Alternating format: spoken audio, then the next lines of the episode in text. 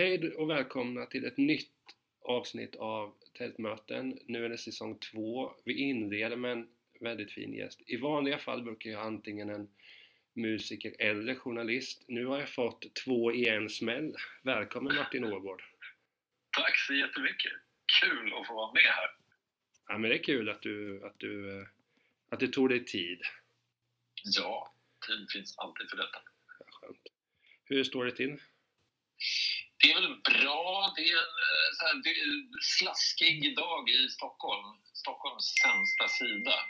Det är lätt att ledsna på den här stan ibland. Jag brukar faktiskt göra det med jämna mellanrum. Och idag är en sån dag man känner att det här, är inte, det här är inte bra för själen att bo på det här stället. Ja, det finns mycket att säga om Stockholm som kanske inte bara är positivt. Men det är en annan podd. Ja. Men om vi börjar där, vem, eh, vem är Martin Ågård?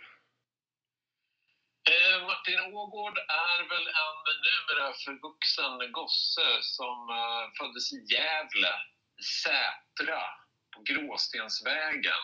Där, eh, en plats som jag mer eller mindre hade glömt bort tills eh, Joakim Lamotte var där för något år sedan och gjorde någon sån här spektakelintervju med folk. Därför eh, det hade varit något brott där som man tyckte var lite Eh, värt att uppmärksamma. Eh, sen flyttade jag till Valbo, Mackmyra närmare bestämt, numera känt för spriten. Just kommer därifrån. Tillverkas av några vagt bekanta människor därifrån. Därifrån kommer jag. Nu är jag en eh, journalist som precis har börjat jobba som kulturredaktör på Dagens ETC. En eh, vänsterblaska med eh, väldigt gott självförtroende just nu. Det går riktigt bra för det. Det är väldigt kul att jobba på en tidning som det går riktigt, riktigt bra för. På grund av att man gör väldigt bra journalistik. Eh, Haslund och sådär. Eh, och dessutom då, eftersom jag är från Gävle så är jag också primärt gitarrist i bandet Dr. Cosmos. Även om jag spelar en hel radda andra instrument också. Eller mest gitarr och bas kan man säga i Dr. Cosmos. Founding member och eh, som sagt, vi har ju återförenats nu efter typ 15 år. Så det är väl ganska aktuellt. Och minst sagt. Eh, nej men jag var ju och såg er här när ni var i Kalmar på Söderport och eh, jävlar i min lilla låda. Det var inte dumt. Hade du kul? Ja, jag, jag, jag tänkte ju sådär bara att ja, men jag eh, jag funkar alltid så att om, om konserten ska börja vid nio så är det liksom åtta, man måste reka bra platser och sådär. Kom iväg lite sent, för det var fotboll, fotbollen förstör alltid. Kommer dit kanske en halvtimme innan. Var knökfullt. Lyckas ändå få riktigt sköna platser där vid trappan. Så jag minns att när ni kom ner och gick där bara kände jag att nu, det här kul, det här blir kul. Och sen var det ju liksom bara en timme, reflektera inte över någonting, bara stå och den mån man kan sjunga med och sådär. De jag stod bredvid var kanske inte lika roade, men vilket ös! Kul, tack att du säger det. Det är väldigt roligt. Det var ju väldigt kul. Det var en riktigt bra spelning, det tyckte vi. Och det tyckte uppenbarligen publiken. Och det tyckte även den ganska roliga arrangören på Söderport som var så här. Ja, men ni kan väl vi kan väl köra en spelning till imorgon. Eh, eller två spelningar imorgon. För han märkte att det blev fullsatt. Ja. Så att han ville att vi skulle bli husband där. Då. Vilket vi gärna hade varit, men det gick ju såklart inte. Uh, men det, det, är ju något med små, supertrånga scener. Du vet, såna scener där man får, liksom, man får placera ut sina gitarrpedaler med försiktighet för att, så att inte någon annan trampar på dem. Liksom. Ja. Det, är, det, det blir tajt på ett helt annat sätt. Att man har, man har liksom en hi-hat rakt i ansiktet och man kan spela på ett annat sätt. Och så var det superkul spelning. Ja men det är ofta, varje gång jag har sett konserter där, eh, Avantgarde brukar jag se, God vän med basisten där och det är samma sak, det är sånt jävla ös. Ja. Och det är så mysigt när det är så pass litet. Men vi, vi kommer komma in på musiken, eh, det kan jag lova. När du var ung, vem var du då? Ja. Var, var, det alltid, var det skrivandet som var nyckeln eller vem var du där i ungdomsåren? Jag var ju med i Nördgänget, eh, kan man väl tryggt säga. Uh, Gävle, Valbo, på den tiden var ju, jag vet fortfarande, alltså det är ju en sport. Ishockey, det är en ishockeystad. Liksom. Så att, eh, Det går ju fruktansvärt dåligt nu dock. Ja, vi gör det. Och jag måste säga så här, prata inte för mycket hockey med mig, därför att jag är en fruktansvärd medgångssupporter. Alltså går det bra för Brynäs så är jag med, med i matchen, men går det dåligt så, så har jag faktiskt ingen aning om vad som pågår. Jag försöker glömma, ignorera och inte bry mig. Så jag vet inte, men jag vet att det går dåligt. Eh, och på den tiden så var jag faktiskt mer intresserad av fotboll. Det här var liksom lite innan fotboll blev den här liksom coola, moderna fotbollen som hämtade all sin inspiration från England. Fotboll var i Gävle lite töntigt då, men vi gick på matcher med Gävle IF som tittade upp i Allsvenskan en sväng där. Men nu låter det som att det var någon sorts sportmänniska. Det var jag absolut inte. Jag gick i musikskolan och spelade saxofon. Jag satt hemma och läste böcker. Min kompis hade fått en hemdator. Vi satt och gjorde spel på den. Han gjorde, jag kom med idéerna, han gjorde spelen. Eh, uh, nej, jag var inte den coola killen. Men uh, det är man ju sällan när man ger sig in i liksom, kulturbranschen. Det finns andra skäl till det. Det, det, det mest in, när du säger Gävle och fotboll så kommer jag bara att tänka på det var ju länge sedan då när de var uppe i Allsvenskan. Vad blir det? Mitten av 00 där någonstans kanske. Så inför Ja. varje, jag är ju stort fotbollsfan, så inför varje säsong så fick många spelare frågan vilket, vilken arena gillar du att spela på? Alla hatade ju Gävle, vad det nu, ja, nu står det stilla vad den hette, men ingen gillade ju att spela. Strömvalla. Exakt. Ja. Då var det någon spelare som fick frågan, jag kommer inte ihåg om det var heller, men varför ogillar du så mycket? Ja, men det är ju råttor i omklädningsrummet. men nu Men det den... var nog ganska risigt skick. Det var väldigt snygg så här, på det här liksom, folkhemsartade sättet. Liksom. Ja, En läktare och en gräsplätt liksom, och så en staty av Gunder Hägg utanför. Väldigt classic. ja. Men det är och de... absolut noll så här, eh, läktarkultur. Jag kommer ihåg så här, att Gävle IFs hejaklack var liksom, äh, vad tafatt. En, en ork, lite så här, det är, det är en underbar så här, jantelagstad, Gävle. På ett bra sätt. Jag tycker jantelagen har sina poänger. Men det var liksom, äh, man, man ska inte heja, man hejar inte onödigt mycket på laget bara för, för själva. Liksom. Ja. Ja, det är ju, ja, jag hejar ju på IFK Göteborg, där är det ju tvärtom. Ja. Där, Ja, eller hur? Det är en helt annan kultur.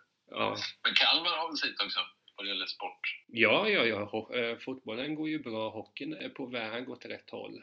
Jo, men eh, då, när du var då den här, enligt dina ord då, nörden och sådär, hur, hur fann du, var det genom saxofonen det blev musiken sen på heltid, eller när kom gitarren in där? Min, alltså det kom faktiskt via min pappa. Han eh, var en man uppväxt, en sån här jazzgubbe. Han, han gillade Miles, han gillade amerikansk jazz, han gillade eh, också, han var språklärare, engelska, franska, också så här, franska trubadurer, Georges Brassens och sådana grejer som är, helt bortglömt idag. Och han spelade gitarr hade en jättefin gitarr som jag har kvar. Jag har faktiskt precis renoverat den ganska ordentligt. Eh, och han köpte så här en, en barngitarr till mig när jag var liten och ville att vi skulle sitta och spela tillsammans. Jag tyckte det var tråkigt. Jag kunde tänka mig. Eh, det här är min, det här är liksom... Ja, men, hur man lär sig spela instrument. Alltså någonstans måste man bara dras till det själv. Det måste nästan vara lite förbjudet. För han försökte verkligen lära mig spela gitarr. Jag var helt ointresserad. Men gitarren stod där. Den var fin. Det är en, en, en Levin från 61, tror jag den är. Akustisk gitarr. Ganska stor så här. Och en, en typ så här folk. Den, den gjordes när liksom folk music var stort. När Bob Dylan var stort. Liksom. Uh, och uh, så när jag var 13 så, och hade tråkigt så bara tog jag den satte mig på mitt rum. Han hade en bok, så här, The Collier Quick and Easy Guide How to Play the Guitar. Och på helt egen hand. Alltså, jag, hade, jag gick och spelade saxofon i blåsorkestern. Men eh, jag tyckte det här verkade coolt. Så jag lärde mig spela ackord med hjälp av den där boken. Och sen uh, började jag plocka ut Killing an Arab med The Cure. Mm. Eh, och några andra coverlåtar på det där. Eh, och sen är det det och så börjar man snacka om det i blåsorkestern och det visade sig att det fanns andra som spelade liksom rockinstrument och man kunde starta sitt första band. Det första, det, och det är lite så, jag tror att det är ungefär så man lär sig spela instrument tror jag. De måste finnas hemma. Men man kan aldrig tvinga liksom, en unge att lära sig spela om man inte är sugen själv. Mitt allra första band som stod på scen någonsin, det var, uh, jag hade en polare som hette Torkel. Han var punkare och han hade en eh, polare som hette Järven, som också var punkare. Jag vet inte vad Järven hette egentligen, men alla punkare i Järven hade så här gnagarnamn. Det var Utten, det var Järven, det var Kuben, jag kommer inte ihåg. Uh, det var disco på fritidsgården. De ville ha band och vi så här, Torkel bara, vi ska spela. Okej. Okay vi ska ha band. Vi hade överhuvudtaget inte spelat musik ihop. Jag kunde inte spela musik. Han kunde spela gitarr. Jag kunde spela trummor. Mm. Kanske. Uh, och han var så här, vi ska spela Brain Wash med Flipper. Vi ska göra en cover. Okej? Okay? Uh, och jag hade aldrig hört låten. Och, och vi lyssnade inte ens på låten. Vi försökte inte ens ta ut den, utan han berättade för oss hur den går. det var så jävla bra. Uh, och den går, den är väldigt... Du, du kan köra ett klipp med den liksom. Eh, den är väldigt rolig. Den är ett litet repetitivt riff. Riff som går så eh, Och så en text som är så här.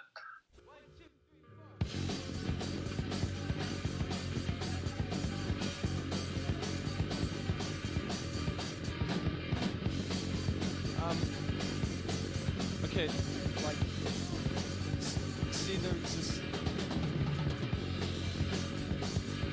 and, well, and then, uh, never mind, forget it, you wouldn't understand anyway. Och så upprepar man det 36 gånger. Det är låten. Liksom. Så det är en låt som man kan förklara för andra människor och man kan spela den utan att liksom repa den. Men vi gjorde verkligen inte det. Han förklarade för oss i låsen bakom. Vi kallade oss för Fuck Off. Vi gick upp på scenen uh, och vi gjorde det här. Och det, jag tror att inför så här extremt förvånade människor. Vi visste inte vad vi höll på med. De förstod absolut inte vad vi höll på med. Det var första gången jag stod på scen. Jag sjöng då. Uh, det tror jag var ett otroligt nyttigt stålbad för liksom fortsatt musicerande. Att det är så här man gör musik.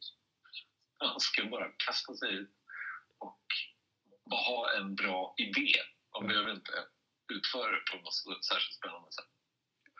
Det var första gången jag stod på scen, men då hade jag ingen gitarr. Uh, sen uh, startade vi ett band, eller jag sjöng faktiskt i de allra första banden. Eh, sen hade vi ett band som hette Konsums flyktingar. Försöker nu komma på hur vi, Torkel var med där också, hans brorsa Orvar och en kille som hette Lasse. Försöker komma på hur vi kom på det namnet, men det var idé bakom det. Vi körde mest covers. Men det var ungefär där det började, som fritidsgårdsrock. Men om man tänker så här då att vare sig då eh, något av de här banden, det skulle ju bli bättre och mer framgångsrikt får man ju säga med all respekt. Ja, det får man säga. Även om den här grundkänslan jag verkligen hade när jag ställde mig på en scen och bara hade fått en låt berättad för mig och körde den. Den, den känslan av så total panik vill jag gärna ha kvar. Ja. Därför att den är, alla sinnen är otroligt skärpta i sådana lägen. Ja. Men hur eh, upprinnelsen till Kosmos? För alla Uje och de är också från Gävle, eller? Ja, precis. till Kosmos var, som sagt, man hade de där småbanden, man tragglade på och man bytte liksom band varannan månad. Det gick fort. Liksom. Man bytte musikstil, man startade ett skaband, man blev kickad från sitt eget skaband. Två månader senare startade man ett rockabillyband, eh, man hade ett gotband däremellan. Så var det i alla fall för mig. Eh, en massa små band som rullade på där. Och sen så eh, blev jag kompisar med två bröder som heter Marcus och Henrik Högberg. Som jag har börjat spela med igen nu på sistone faktiskt. Och eh, de kunde verkligen allt om rock. Alltså verkligen allt. Allt jag någonsin varit intresserad av har de kunnat före mig. Eh, de lyssnade på Cramps.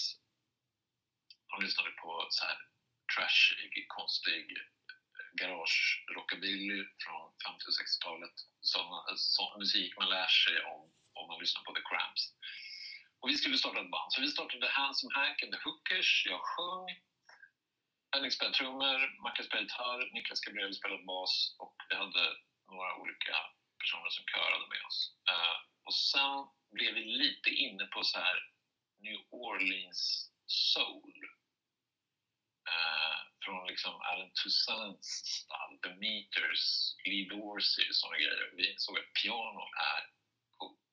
Det är väldigt coolt. Det är funkigt. Och jag kände Uje Brandelius. Så vi, han fick vara med och repa med oss. Och eh, första gången vi repade kommer jag ihåg sneglade på honom i så här, sista versen och då satt han med armarna i kors. Och var så här. Och sen efteråt bara, "Jaha, vad, du spelade inte det på slutet? Nej, men jag var klar. Då hade han liksom spelat låten i så här, dubbla hastigheter jämfört med oss andra. Så det var, och det var, det var väldigt kul, för, för liksom, och jag hade då suttit ensam liksom, på sitt pojkrum och bara spelat piano som fan. Han har aldrig spelat ihop med andra människor. Typ. Men vi lärde oss att spela ihop. Och eh, så körde vi på det där ett tag. Sen så tog gymnasiet slut. Vi, jag och vi flyttade till Uppsala via lite omvägar. Jag var i Stockholm en sväng.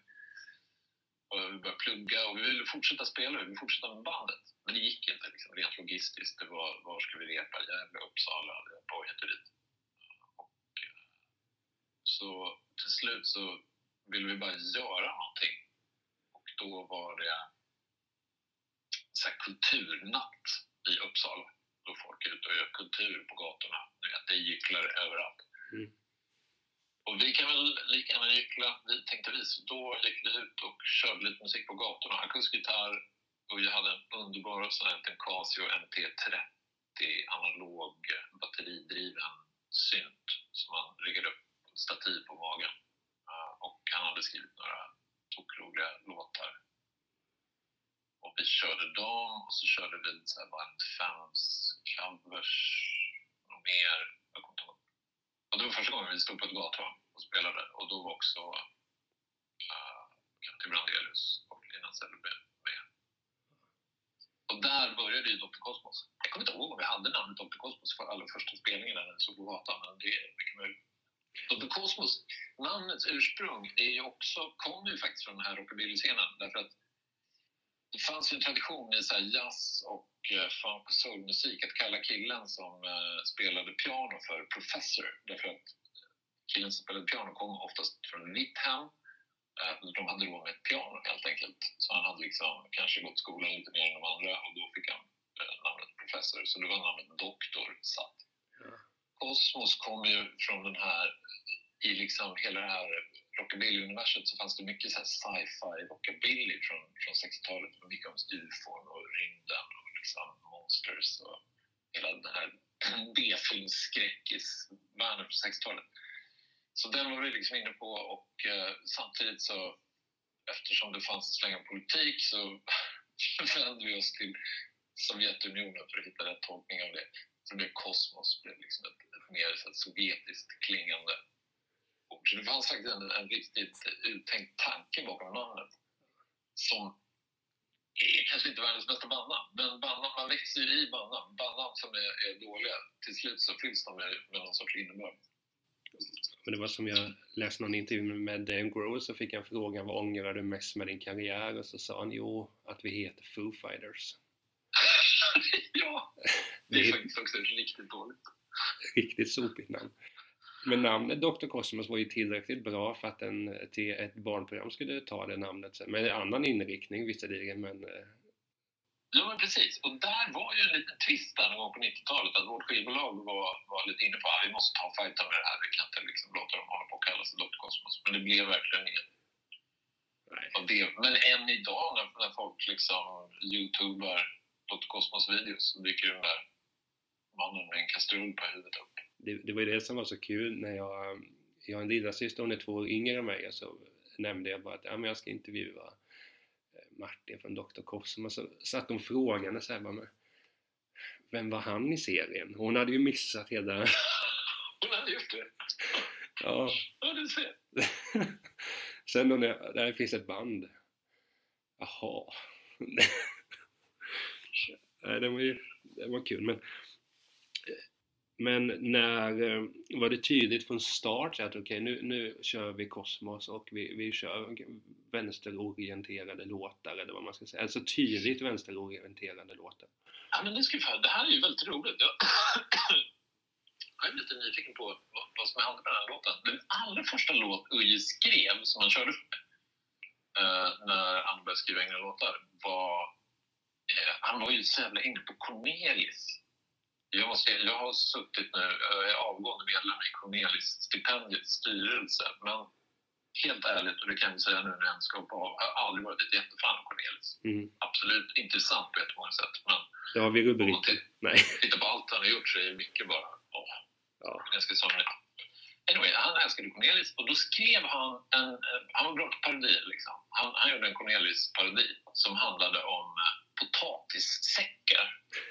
Och alltså innebörden i den här låten var ju att så här, en kverulans över skattesamhället. Precis som Cornelius skulle gjort det. Liksom. Men jag vet att alltså, det var en så här riktig... Den första Dr. Cosmos-låten var en moderat låt. Så den handlar om att, att liksom staten tog för mycket skatt av den här berättarjaget i låten. Mm. Den slängs ju bort. Och den, jag tror OJ skrev ju den som en parodi. Liksom. Uh, men det är ganska lustigt att den faktiskt finns någonstans där bakgrunden. Ja, Men, ja det... Eh, jag kommer inte ihåg. De allra första låtarna var ju ganska socialrealistiska. Det, det, jag tror att liksom hela den här socialrealismen som kom in i, i Kosmos tidigt och eh, det här att Uje började berätta om sig själv. Vissa av låtarna på de första plattorna har jag skrivit en del text på de är lite annan karaktär. Men det kom, Ujis eh, berättande då kom mer ifrån liksom, de självbiografiska seriernas värld. Det var liksom Mats Jonsson, det var... Vad hette tidningen på den tiden? Brown Porterly och... Det fanns ju en, en tidig våg av självbiografiska serier som han läste, Thornton samlade och eh, då kom ju det här dels vardagsrealismen in mm. tydligt. Och, eh, men sen de allra första liksom politiska låtarna var ju... Det var ju också en, en, en tid, det här var ju liksom tidigt 90-tal, när det var liksom inte många år efter murens fall och att vara vänster, det är lätt att glömma det idag, var i princip omöjligt. Liksom. Allt som andades vänsteråsikter avfärdades som kommunism och tillhörde per definition det förflutna. Liksom. Mm. Så och så, vad, vad vi gjorde då var ju liksom att vi, vi lyssnade på de här gamla progplattorna och vi skrattade åt dem som alla andra. Liksom, därför att de har ju onekligen komiska kvaliteter. Liksom. De är så överdrivet äh, plakatiga. Äh, men samtidigt så kände vi ju kvaliteten i dem. En del är så fruktansvärt svängigt, fruktansvärt bra. Texterna är oerhört genomarbetade. Många texter är smarta, många texter är roliga. Liksom. Och hela liksom, den, den ironiska generationen som den kallades då, det var ju ändå ett... Eftersom man inte kunde prata om vänsteråsikter på allvar fick man göra det ironiskt. Mm. Ja. Så genom att skämta, liksom, genom att låtsas vara proggare så kunde vi faktiskt prata om de här åsikterna. Det låter ju helt bisarrt när vi efterhand man pratar om det, men det var sånt hårt klimat då liksom, när det gäller vänsteråsikter. Så det, om vi hade ställt oss upp och försökt, ja, men nu ska vi skriva lite moderna poplåtar om, om olika vänsterpolitiska frågor, då, då hade, hade man ju liksom, man hade aldrig fått en spelning typ. Nu kunde folk fnissa åt det och vi hade också en del så här Muff-fans i början. De kanske är borta nu, de kanske har förstått det på allvar. Ja. som kom till våra spelningar i så här pikétröjor som de hade skrivit “Stoppa valfriheten” på med tuschpenna liksom. Och bara ni är så jävla roliga”. Och bara “Ja, tycker du men, ja, men det är den här på låtsas och på riktigt-frågan eh, blev ju eh, ganska angelägen just på grund av politiken. Och det, hände, det var en annan grej också. Vi spelade på en, en gammal kompis eh, pappas 50-årsfest. Och han var en sån riktig proggare. Kom från en överklassfamilj i Stockholm, hade flyttat ut till Gävle, tagit jobb på fabriken. Liksom. Så det hade gått bra ändå. Han hade liksom tagit sig upp i hierarkin och börjat, satt till slut i företagets styrelse. Så ja, en rolig klassanalys på honom. Men han hade födelsedagskalas, vi spelade. Eh, och han var en sån proggare som hade liksom, du vet, backat lite från sina vänsteråsikter på 70-talet. Och efteråt så kom han fram och tackade oss. Han sa, "Ja, vad kul det var och vad roligt att ni driver med oss i min generation. Det var så himla kul. Och då blev vi också lite så förvånade. Ja, nej, men vi gör ju inte riktigt det. Vi, eh, vi tycker så här. Ja. Vi tycker ungefär som du. Vi försöker inte driva mer, även om det låter som vi skämtar. Men det är nog liksom ur den allmänna samhällsklimatet som rådde då kom den här liksom konstiga, ironiska blandningen av eh, poli, po, poli, politik. Ja. Ja, det, det, är, först, ja, men det är intressant. Jag, jag är född 90 så jag var inte så i mitt medvetande de där första åren kanske på, på det sättet. Men det är intressant när du, när du beskriver det för det känns ju vad ska man säga, att, att eh, idag är det absolut inga problem för valfritt eh, band, alltså så, säga att man röstar så eller, ja, eller på något annat, så det, det verkar ju ha skett eh, en, en betydlig förbättring där, att man får ju, man får ju vara den, den, den man är nu och kunna liksom ändå vara öppna med det utan att, eh, att det ska röra till det, vad man ska säga, men men så från början så var ni då i många ögon lite av så, ja men några roliga killar som gör roliga låtar. ja, ja, absolut. Vi är väl lite clowniga. Liksom. Helt klart. Ja. Eh, ja, men fan, det är väl ett, det är ett bra sätt att få uppmärksamhet på. Ja, Sen kommer jag var liksom, jag var liksom popkillen i bandet. Liksom. Jag var den som lyssnade på indie, jag var den som eh, ville spela sån musik. Och liksom hoppades på att vi kanske kunde utveckla vårt sound lite. Kanske. Band. Vi tog också in en trummis sen. Henke då från uh, Hans Macworkers, Henke Högberg. Eh, och då blev det ju lite stadga liksom. Och sen har det ju under årens lopp utvecklat sig allt mer, liksom, utforskat olika popgrejer liksom. ja. Men i början fanns det ju inte, jag tror inte vi sa rakt ut vi kommer aldrig att spela på radio, vi kommer aldrig få en spelning. Jag var, jag var ganska på och ville att det skulle bli ett riktigt band. Men när kände ni att själva breaket kom, eller vad man ska säga, när det, ja men nu kanske vi inte är de här clownerna längre, nu är vi ju musiker och folk eh, gillar det vi gör. Det, alltså breaket kom ju, vi gjorde en sån clownspelning, vi spel, det var någon festival på Kalmar Nation i Uppsala.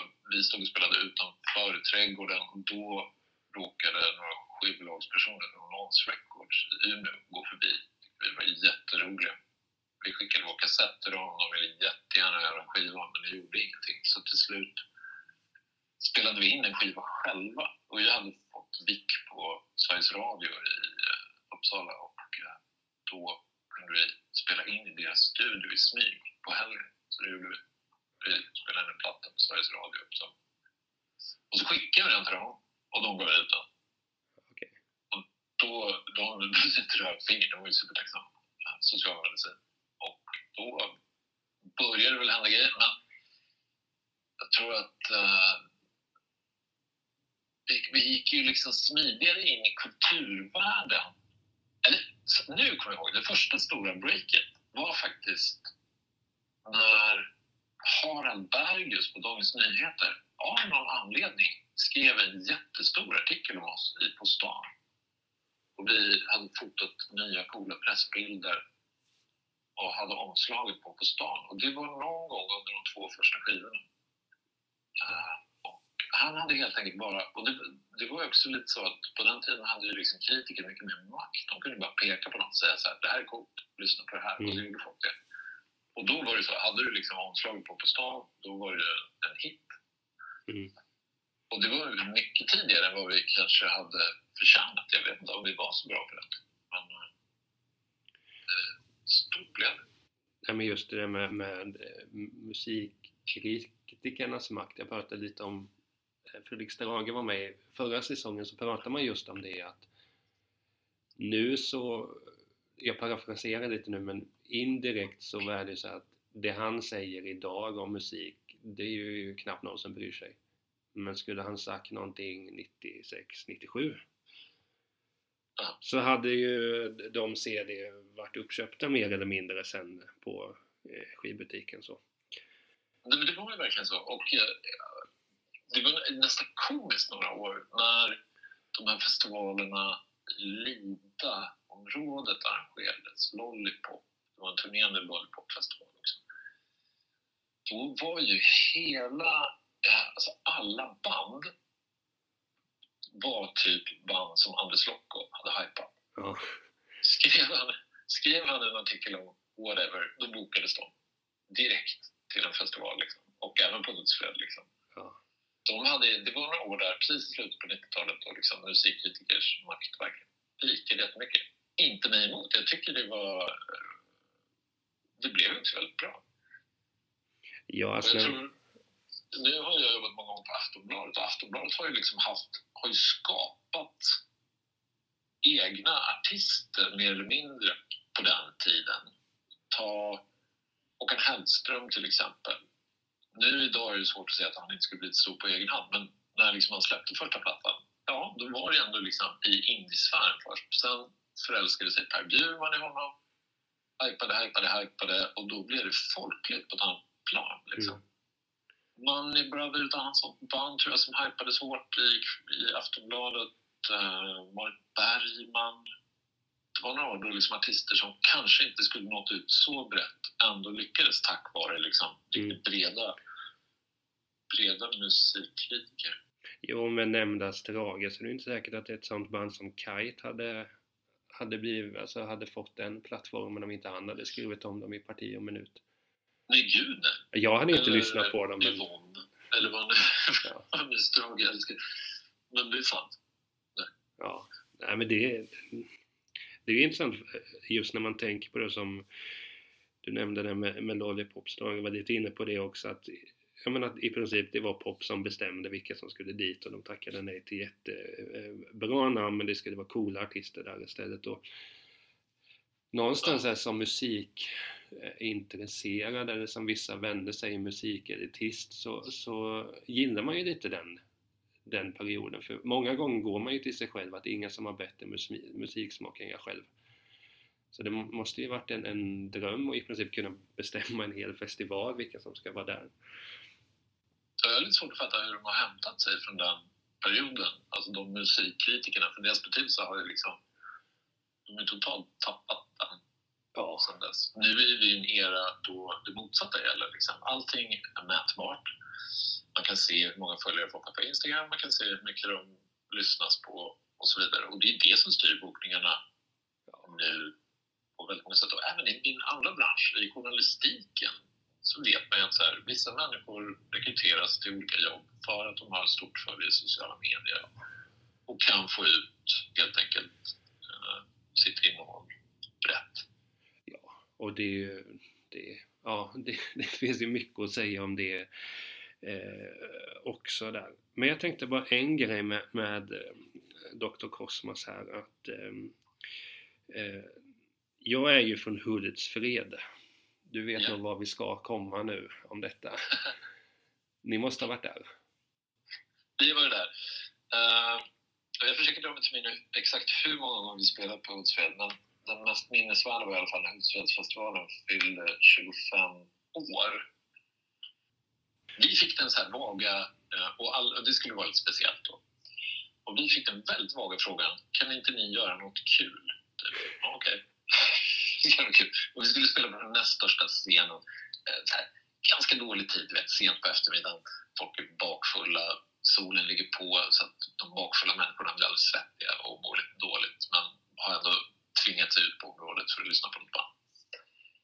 Eh, och vi började grubbla som fan, vad fan gör man? Man måste göra en scenshow, någon sorts scenshow. Jag hade en flickvän på den tiden som höll på med teater eh, och hon hade berättat för mig att det hade lagts ner en fars på med Ulf Brunnberg och Björn Gustafsson som skulle spelats på den här lilla teatern som ligger vid Östermalms torg, eller Karlaplan. Mm. Och Eh, vi hade lite goda kontakter via Riksteatern. Så hur den var så fick vi liksom den här scenografin och det var en sån här klassisk smälla i dörrar-fars. Liksom, med du vet, så här, roterande podier, hemliga dörrar, bla bla bla. Så vi var så här, vi sa till så här, Åh, vi vill ha den. Vi, vi ska ha den här på scenen i Hultsfred. Kan ni stoppa den i en container? De stoppar den i en container. Kan ni köra containern till Hultsfred? De kör containern till Hultsfred. Uh, ungefär så långt hade vi kommit i tankearbetet. Så att när det var liksom speldagens morgon, då träffades vi på scenen och började liksom här, och det var en helvetes tunga grejer liksom. Vi smäckade upp den här. Det såg ju bara konstigt ut liksom. Det, det är en sak att bygga upp liksom en scenografi i en teatersalong. Uh, men här var det liksom på en Hultsfredsscen.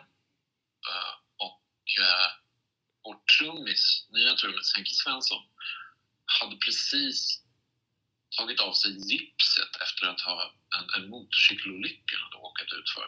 Att han körde cross.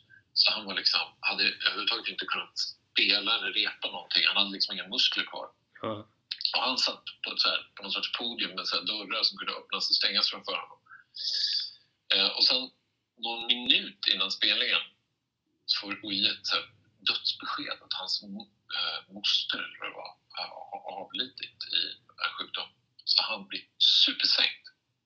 Och vi går ut på scenen så, i den här jävla scenografin. Och vi vet inte vad vi ska göra med den. Liksom. Vi, har hade några blåsare som ställde upp några snurrscener. Och vi hade sagt åt till liksom, folk i skivbolaget, kan inte ni bara springa runt lite på scenen så att det ser ut som en fars typ. Uh, och eh, uh, sen vår trummis fastnar bakom, bakom de här dörrarna. Han syns inte. Trumpetarna fastnar i sina så här snurrscener liksom. Uh, trumsetet går sönder, det hörs inte och är helt sänkt. Han, vill, han kan inte sjunga typ. Ja, det är faktiskt, och sen i publiken står det typ också några så här... Eh, jag kommer inte ihåg, de höll på skit som det stod så här typ ni var bättre förr. någon, någon så här taskig grej som, som bara träffade så jävla hårt just då. Uh, det slutade med att jag slog sönder min Hagström partnergitarr faktiskt slänga upp den i luften. Det dröjde flera år när jag lagade den, men nu är den. Uh, äh, det var en sån misär spelning.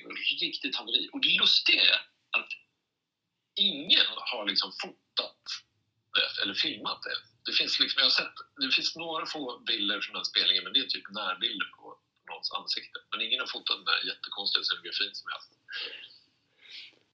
Ja, det hade varit superkul att, se faktiskt.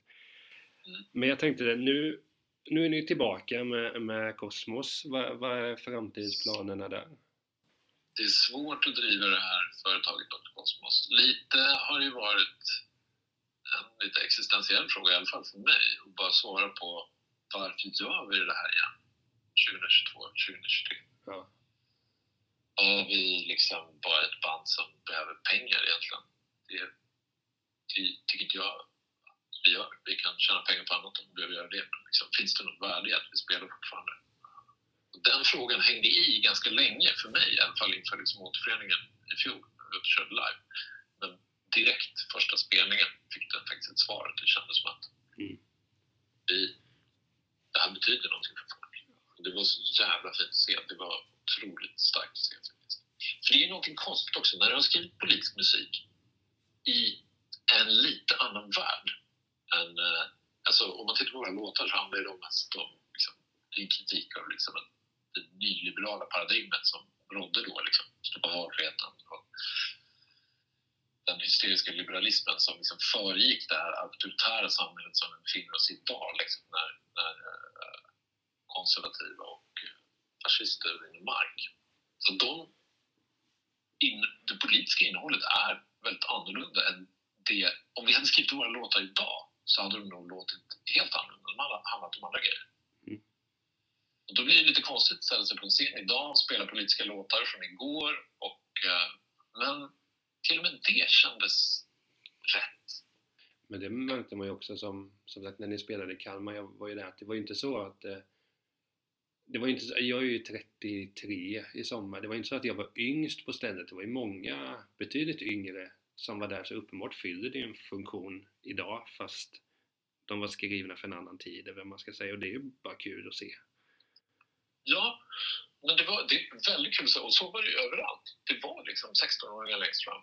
Eller hur gammal man nu måste vara för att komma in på spelstället. Liksom. Men en, en ung, ny publik som hade upptäckt Dr. Cosmos, det var ju helt ljuvt. Det är lite som Iron Maiden, så här, man går med sin pappa och kollar. Liksom. Jag tänkte det, ni ska inte ställa upp i Melodifestivalen eller? Ja, jag vet inte om du har läst kvällspressen. Eh, Jag tyckte många citat var ganska roliga. Vem, för det tänkte jag, för det tyckte jag var väldigt träff... Vem var det som, det får man väl inte säga men... Nej men alltså, jo, vi kan prata om det. Du vet, nu i just den intervjun där det stod så här eh, bandet till Urbanelius, det horeri, typ. Det var faktiskt Uje som sa det, det var hans tolkning av hur vi ansåg att det var. Men eh, vår trummis Henke Svensson reagerade väldigt starkt. Jag försökte prata med honom om det här någon dag efter beskedet om att Uje skulle vara med i Melodifestivalen kom. Han var så jävla arg. Jag bara, jag kan inte prata om det. Det är väl lite kul ändå, eller? Nej, jag vill inte. Så bara gick han ut genom dörren. Ja. Vi har våra slitningar. Jag var också faktiskt ganska chockad, omtumlad, fattar inte. För att det, timingen var så jävla speciell. Vi hade varit ute på den här liksom, återföreningsturnén, vi hade sjungit om politik, vi hade, liksom, vi hade träffat folk i hela landet, alla var så jävla glada. Vi hade liksom, hela Dr. Cosmos-världen hade liksom omfamnats. Och är, den är väldigt långt ifrån Melodifestivalen, så är det bara. Ja. Eh, och sen så kommer det här, bara, ah, ska vara med i Mello. Och, men den timingen beror ju också på att det tar väl ett år att, att eh, komma med i Mello. Så måste man hålla allting super, super hemligt, annars blir man diskad. Liksom. Ja. Jag tycker låten var fin. Sen var det lite vågat att satsa på en textintensiv låt i Mello kanske. Jag satt och kollade med en massa ungar som satt och skrek så det gick inte ens att höra vad han sjöng. faktiskt. Nej men jag, jag, det är det som, jag, jag gillar ändå Mello, så jag tycker det är en skön grej. Man sitter där med sina vänner och vissa gånger kommer det väldigt fina låtar och, och när jag kollade där på Uje så var det, vi var ett gäng som satt här och men det var liksom, eh, det kändes ju speciellt så att, ja men det känns lite fel att han är där. Samtidigt så, det är ju som du säger, det är, det är en bra låt och redan Ja, han fick ju mina hjärtröster, det var ju inget snack om det. Men eh, ja, jag hade väl kanske hellre sett en livespelning med Kosmos. Så kan man som sammanfatta. att, Alltså, ta den en... Ja, Okej, så jag tittar också på Mello. Jag har också älskat Mello. Jag tycker kvaliteten i år är skitlåg. Mm. Det har varit år, och jag har framförallt tyckt om att kolla på Eurovision när man får se liksom galna polska folklore disco-låtar. Liksom. Det är den absolut största varningen med Eurovision-grejen. Men sen finns det de här artisterna som man verkligen tycker om beundrar som ställer upp av någon anledning. Eh, Sebastian Tellier var en sån. Men han kom inte heller till sin rätt. Den låten var toppen. Han var ju ett haveri. Därför att man är där på någon annans villkor. Man är inte där på sina egna villkor. Det handlar inte om att man inte tycker Melodifestivalen är bra. Det är ju liksom att eh, du är tvungen att underkasta dig hela liksom, apparaten för att få uppträda där. Och du är tvungen att tävla Mm. med din låt. Det är ju ganska knäppt. Liksom. Och, men kommer ihåg den Telé-låten, för den uh, funderade mycket på också. Så här, för det gillade verkligen låten, lyssnade på den ganska mycket i efterhand. Och så här. Men hans uppträdande där var, kändes bara dåligt och fel. Men jag kommer ihåg, det var ju, jag vet inte hur många år sedan, det är kanske en fem, sex år sedan. Då kommer jag ihåg att Jocke Åhlund och Andreas Klerup skrev en låt som Swingfly framförde. Jag, kommer, jag tror den heter You Call My Ja. Name eller någonting. Den låten är ju, den är ju sjuk. Den är ju jättebra låt. Är det? Ja, jag tycker den är jättebra. Hur långt kom den då? Ah, Ja, det, Ja, det blev ingen, det blev ingen hit i alla fall så. Men det är samma sak, den låten är ju, den är ju det var som Torsten Flink sa när han var med i Melodifestivalen, den här låten är för bra för Melodifestivalen. Ja, det var nog den You Call My Name också. För den tyckte jag var bra på riktigt, men sen gillar man ju Klerup och Åhlund och Swingfly, så det är min eh, kopp te. Ja. Så. Men som jag nämnde lite här i, i början, det intressanta är ju då att du har haft det här musikspåret å ena sidan men också journalistsvängen å andra sidan. Mm. Hur, hur blev det, vi var ju lite inne på det, men hur, hur, hur fan hade du tid, höll jag på att säga. Det Jag pratade faktiskt om det här med Marcus Larsson och Anders Lokko för ett tag sedan. Fan vad man hade velat vara med i där. Eh, och jag, det slog ju mig då att jag hade ju egentligen velat bli musikjournalist. Jag hade ju egentligen velat skriva liksom, musikrecensioner. Jag hade ju... Jag tillhörde en generation som beundrade dem så väldigt mycket också. För de var ju, när de liksom bestämde vem som skrev, vem som spelade på, på Lollipop, så var ju de liksom coolaste killarna i landet. Liksom. Så jag ville vara som dem. Men eftersom jag själv spelade musik och kände liksom alldeles för många musiker så var det omöjligt. Jag kunde ju liksom inte recensera en spelning med, med Marit Bergman. Liksom. Jag kände ju henne. Mm. Så då var liksom kulturjournalistiken var second best, jag säga. Mm. Eh, nu är det ju någonting jag brinner för också. Men, men det, det, jag insåg att det nog, om någon hade erbjudit mig så här, hallå, du får bli musikkritiker istället, då hade jag inte tagit. Ja. Men hur han, ja, alltså det här kanske kommer som en chock för alla lyssnare, men Dr. Cosmos har ju inte byggt upp några större förmögenheter för oss i bandet, om jag säger så. Jag förstår att det är svårt att ta in, att alla tror att vi har gjort det här för pengarna och att vi är väldigt förmögna, men nej, det, är vi inte. Vi har varit tvungna att förvärvsarbeta vid sidan om rockandet. Så det har vi gjort på olika sätt hela tiden. Och eh, jag menar, jag hade ju den här stora glädjen av att eh, kunna hålla på med journalistiken. Så att sämre jobb kan man ha faktiskt.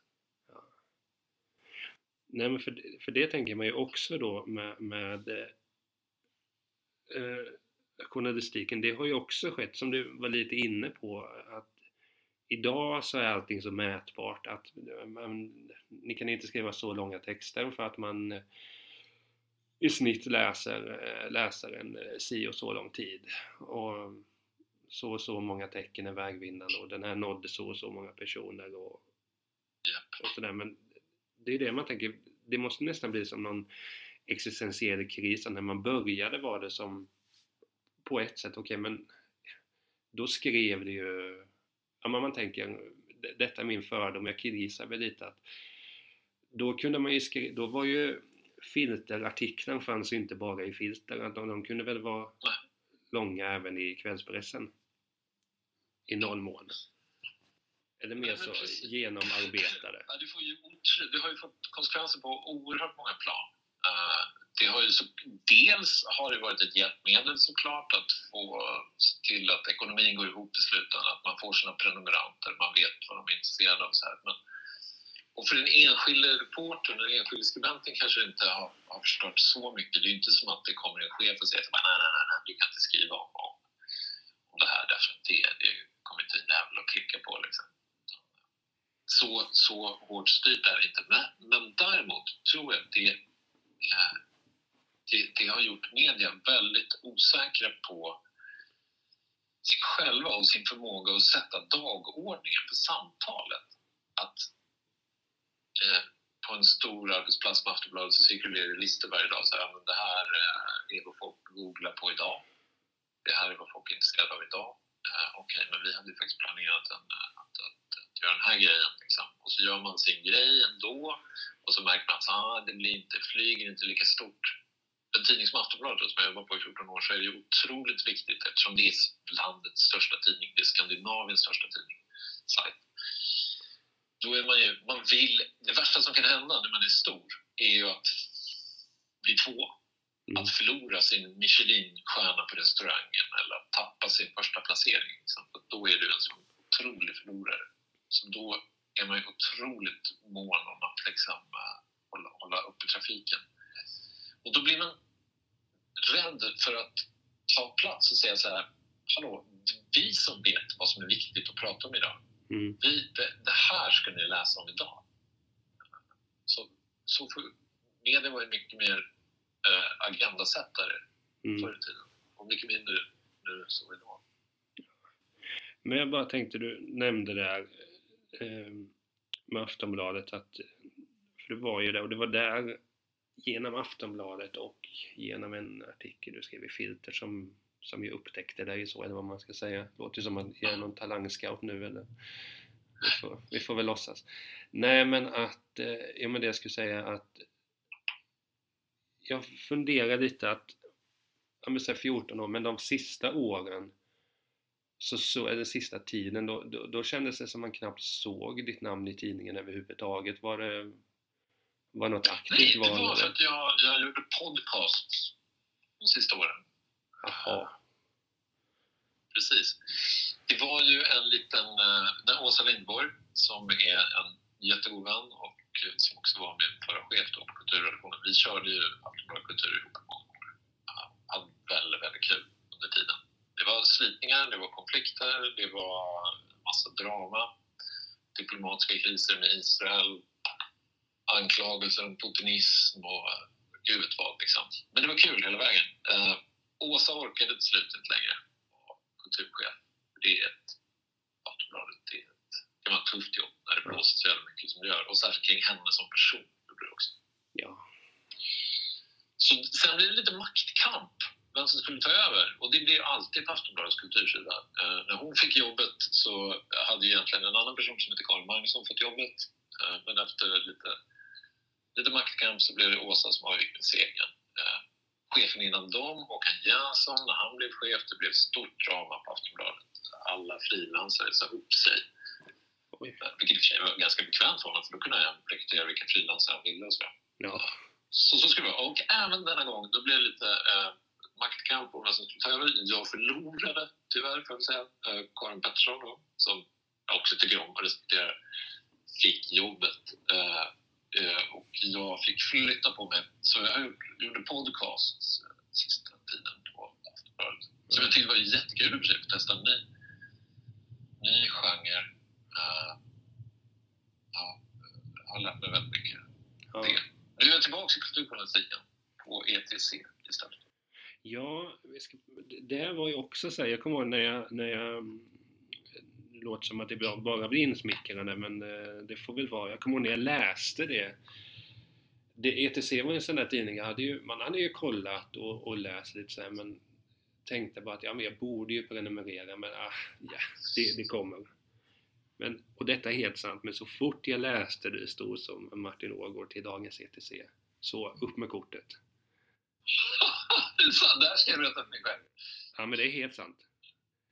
Så eh, du, du, nej, nej, och det kändes just bara så här för att eh, jag minns att det sista jag läste av dig på Aftonbladet var en ganska eh, lång och genomarbetad text när Doggelito fick här Corneliuspriset.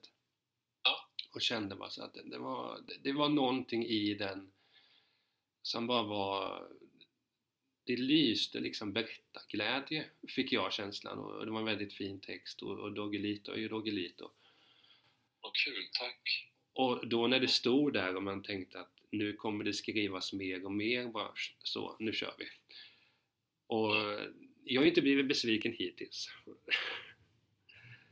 Tack. Eh, Ja, jag blir riktigt rörd. Men det var, det var väldigt kul att få skriva den Doggelito texten och väldigt kul att han fick priset. För att han... eh, Han har... Han är ju en storyteller liksom. Han är så proppfull av anekdoter. Jag litar på 75% av dem ungefär, jag, är sanningsenliga. ja, Men en uh, underbar historieberättare och eh, har liksom en ingång på, på det, det, alltså, det, det, är, det är en stor grej, liksom, musik-Sverige. Det som började då liksom Latin Kings och nu har lett fram till liksom den, den rap som vi har idag, som jag tycker är en av de stora kulturfrågorna vi har idag. Ja. Vi har liksom någonting som ett fenomen som har efterlysts på kultursidorna så länge jag har levt. Alltså du har män, unga män från den absoluta underklassen, liksom. Från de absolut mest desperata förhållandena vi har här i samhället, som skriver poesi på rim mm, och eh, om sina liv eh, och om ja, whatever. Och, och den är problematisk, den är våldsam, den är farlig, den är läskig, den skrämmer vettet ur folk. Mm. Eh, kan det finnas något roligare att skriva om som kulturjournalist än just det.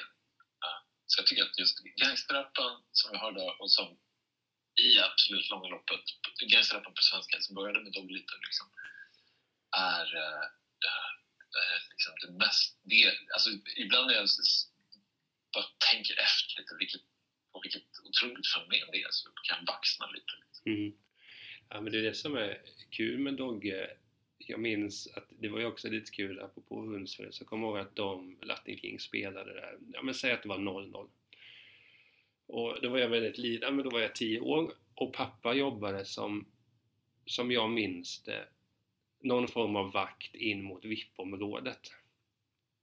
Eh, På festivalen? ja, det säger, det, men han, han var vakt i alla fall. Så, men han jobbade ofta nattetid eh, där. Och så fick, så fick man följa med sista dagen för då, då började pappa jobba vid så åtta till klockan tre eller någonting. Och då fick man följa med och det var ju skitkul. Då var jag inte intresserad av musik så då var det kul att bara gå och köpa sådana här långa mm, remmar man kunde köpa. De var ju supergoda. Och på väg då när vi, pappa skulle... Ja, exakt. Så eh, jag köpte med mig godis så skulle jag stå där med pappa. Och så kom mamma och mina syskon också. Så. Och redan då var jag intresserad av fotboll och så stod pappa där mot fotbollsarenan och, och vaktade. Och så står jag och liksom spelar lite så ser jag eh, Latin Kings komma och gå där. Jag visste vilka det var. Det, det första bandet jag verkligen började älska var ju Latin Kings. Ja.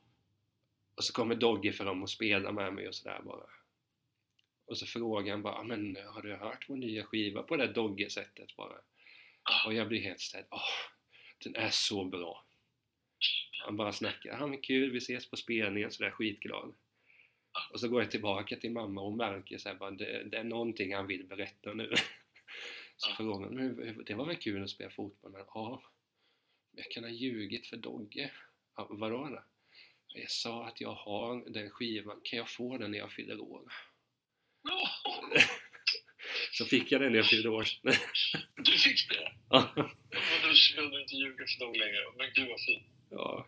Nej men han, så gjorde jag en podd med honom för, vad var det, typ 10, jag poddat jättelänge så olika konstellationer. Ja. Så möttes vi, sa han bara, ja men kom till, till eh, Botkyrka så, så fixade vi en intervju, ja så gjorde jag det. Så att vi åkte runt i två timmars bil och det var ju det, det sjukaste jag varit med. Det är som du säger, han har ju stories om precis allting. Känner precis alla, vet vem den där är? Nej, det är den och den och den och... Nej, det, och det är också lätt så här, många gånger när man tänker Dogge, många tänker ju Cykel på köpet och liksom Fångarna på fortet och allt vad han är med i men... Ja, mm, han har gjort mycket, mycket mer värdefullt än det. Han har ju det. Och eh, jag, menar, jag, tror att är liksom hans storytelling om liksom Botkyrka och han är ju sig själv som någon sorts liksom, liten ambassadör för, för området nu. Liksom. Det. Ingo, det blir som en del av hela hans, liksom, hans rappande. Ja, så, men sen också, och det, här, det, det, det är underbart att höra en sån här story om hur han liksom tar dig och liksom kommer och spelar fotboll och bara är, är världens roligaste människa. Liksom. Han är ju som alla. ja, Och det har gett honom problem också. Det är därför han har hamnat i de här bisarra högerextrema sammanhangen som han nu var. Liksom, han dök upp högerextrema bokmässan. Ja, Av så här, kanske inte total naivitet. Liksom. Jag tror han fattar ungefär vad det är för människor han har att göra med. Men att han är bara så här, "Ja, men nu kör vi. Jag pratar med alla. Jag gör allt. Liksom. Det är roliga, det, det, liksom, det finns egentligen bara typ två personer som man inte kan prata med i hela världen. Och det är, liksom de andra i Latin Kings. ja, och det är så jävla jobbigt att det är så. Det är supersorgligt. Ja, Kan de inte bara dra ett streck över det förflutna liksom? och gör nu musik och var med i Mello. Nej, Har Togge varit med i Mellon? nej, jag hoppas inte det. Men det kommer säkert någon gång. Timbuktu Ja, var det är ju nästan program... konstigt att han inte varit Han skulle ju definitivt tacka ja. Det var ju så kul också, apropå Dogge, nu låter det som att det blir en Dogge-podd, men jag lyssnar mycket på Fördomspodden med Emil Persson. Så var Dogge med där och så var fördomen bara, nej men du får frågan varje år om du får, ska vara med Så Mycket Bättre så blir Dogge tyst. Jag har inte fått frågan en enda gång. Bara det tycker man är ganska märkligt. Frågade Emil... Superkonstigt. Vad med det här egentligen? Varför tror du att du inte har fått frågan? Jag vet inte. Jag har väl legat med producentens fru eller någonting. och sen bara så gå vidare. Det kan vara något sånt. Ja, nej men jag tänker det, eh, apropå nu vi har pratat om, eh, om eh, det har varit så jävla kul att prata och jag skulle kunna sitta i flera timmar till. Eh, Ja, ja. vi, får, vi får bli kompisar på riktigt och ses. Eh, Som någonting. bärs. Ja, mer än väl. Men eh, lite kort bara så innan vi, vi avrundar den här boken. Ja, men död skrev en bok som jag skrivit tillsammans med min fru, Natalia Kashmirska. Och idén var ursprungligen hennes. Och den här är skriven 2018 kom den ut, så den har ett par år på nacken nu. Men den handlar liksom lite om, eh, eller den handlar om det här skiftet som vi egentligen bara har liksom nuddat vid nu när vi har snackat tidigare. Så här, varför är till exempel inte en popkritiker enormt eh, inflytelserik längre? Det hände någonting med popkulturen under 10-talet som precis ligger bakom oss. Eh, det, popkulturen var ju under väldigt många år en, liksom, en väldigt hotfull kraft. Under hela 1900-talet var ju det, mot liksom det övriga samhället. Det var liksom en plats där samhällets marginaliserade grupper tog utrymme. Ja. Liksom. Det var queers, det var svarta människor, det var eh, fattiga människor. Det Mm. var arbetarklass. En kultur som de skapade och som väckte sig, blev liksom en, en enorm kultur globalt sett. Liksom. Ja. Spreds till alla, alla tillbara länder. Eh, Men kraften i det här försvann liksom. Mm. Det var liksom ingenting som utmanade majoritetssamhället lite grann. Eller utmanade majoritetssamhället på något sätt. Och eh, vi, vi hade märkt det och så försöker vi i tio olika reportage, essäer undersöka vad som har hänt. Och det handlar om allt ifrån liksom hur punkrocken kunde förvandlas till alt-right, trumpism, Mm. liksom, till hur kändiskulturen dog, till vad som hände med shoppingcentret som en gång i tiden var ett centrum för popkulturen och eh, vad som hände med rockfestivalen.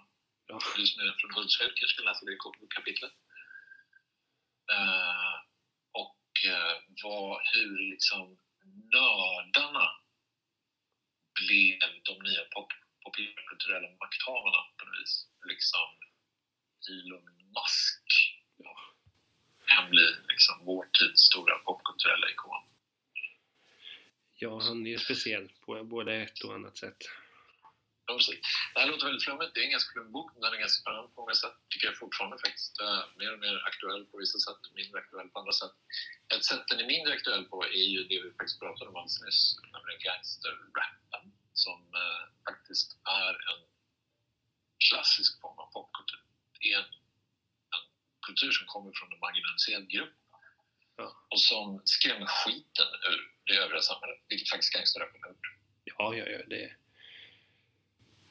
Det har den gjort. Sen, jag, jag har ju också en väldigt ofta teoretisk attityd till popkultur. Jag, behöver, jag tycker inte nödvändigtvis att all den här rappen är jättebra. En, en hel del är inte alls jättebra. Men det spelar ingen roll. Det är i alla fall intressant på teoretiskt plan. Jo, men nå- någonstans är det ju också det, alltså som när man hörde Latin Kings första gången, och så är du uppväxt på ett ganska så heteronormativt vitt område. Och då helt plötsligt få höra hur det kan vara på andra områden, det är klart som fan att det är intressant. Och det gör ju saker med, med, med människor. Jag menar, vi kan ju inte förstå hur det är att ta låten Snubben till exempel. Vi kan ju inte förstå hur det är att i princip känna sig jagad hela tiden för att det är en laserman som härjar. Vi kan ju inte förstå det. Vi kommer ju aldrig kunna förstå det. Men utifrån deras perspektiv så kan man ju få en, en större förståelse och bara bredda perspektivet och fatta problemen som var med det. Det är ju därför som gangsterrap eller förortsrap, vad man nu eh, eh, kallar det, det är ju därför det är så pass intressant och nu, det har ju kommit eh, lite tv-serier här nu om det och jag vet att det kom en bok också om, den heter väl just Svensk gangsterrap, tror den ska komma i mars-april någonstans. Ja, Emil Arvidsson. Han är en, eh, en god vän och jag tror att den boken kommer bli så sjukt bra. För att han är... eh, han är en otroligt bra skribent och har liksom en otroligt bra idé om vad det här är ett sorts fenomen. Mm. Han citerar för övrigt popkulturens död i sin bok. Han visar det här. Ja, men du ser. Vi funderar på om vi ska... Jag, jag vill att han ska göra podd om den boken. Jag tror det kan bli hur bra som helst. Ja. Då får jag bjuda in Men honom. alltså, vi, vi lever ju i ett, samhälle som är helt besatt av true crime. Allt är Mm. true crime. Liksom. Det- en tv-serie, med podd och även litteraturen är true crime. Och här har du ytterligare... Alltså, alltså, gangsterrap är ett true crime-fenomen. Berättar Mm. de, många av dem om kriminalitet i nästan realtid. En viss fördröjning är det väl, fast jag nu skriver och spelar in den. Liksom. Mm. Men det är den enda liksom, true crime-genre som pekas ut som direkt skadlig Ja. när liksom hela samhället i övrigt frossar i brott och eh, mord och eh, gängvåld. Liksom.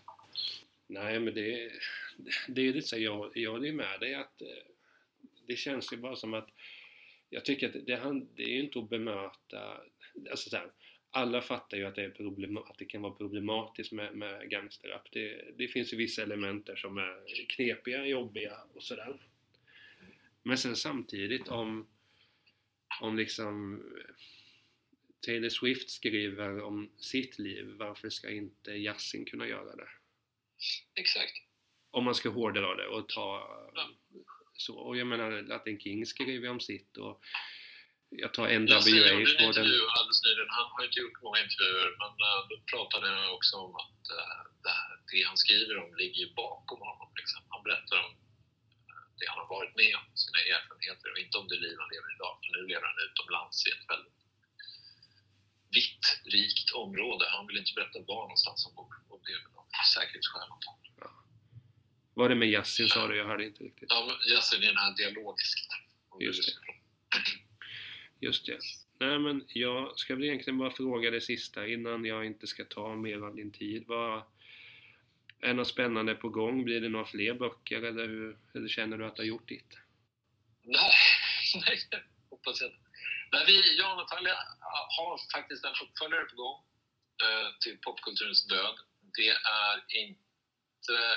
Eh, jag kan inte avslöja titeln nu för den avslöjar väldigt mycket om vad boken handlar om.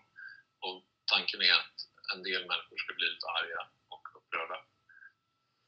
Eh, men det handlar om eh, hur eh, Sverige har blivit som det är Det är en, cliffhanger det.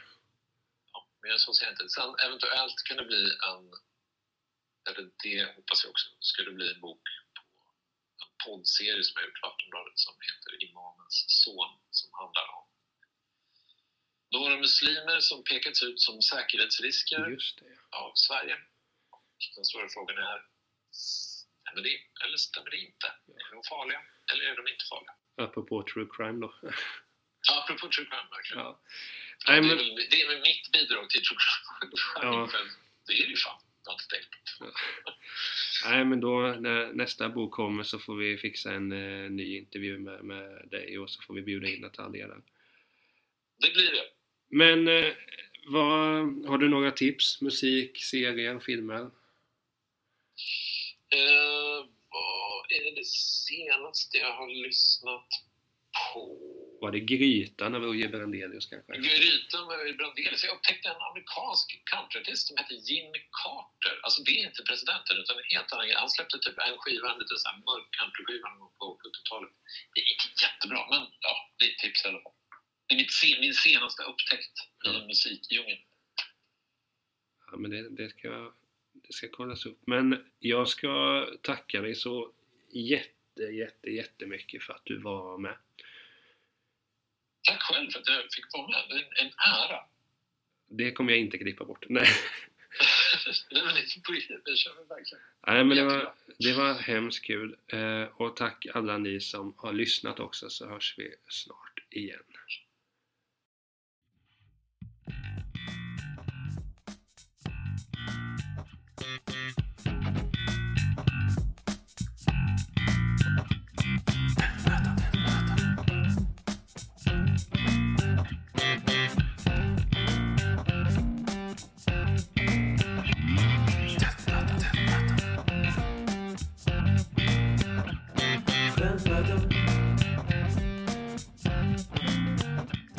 another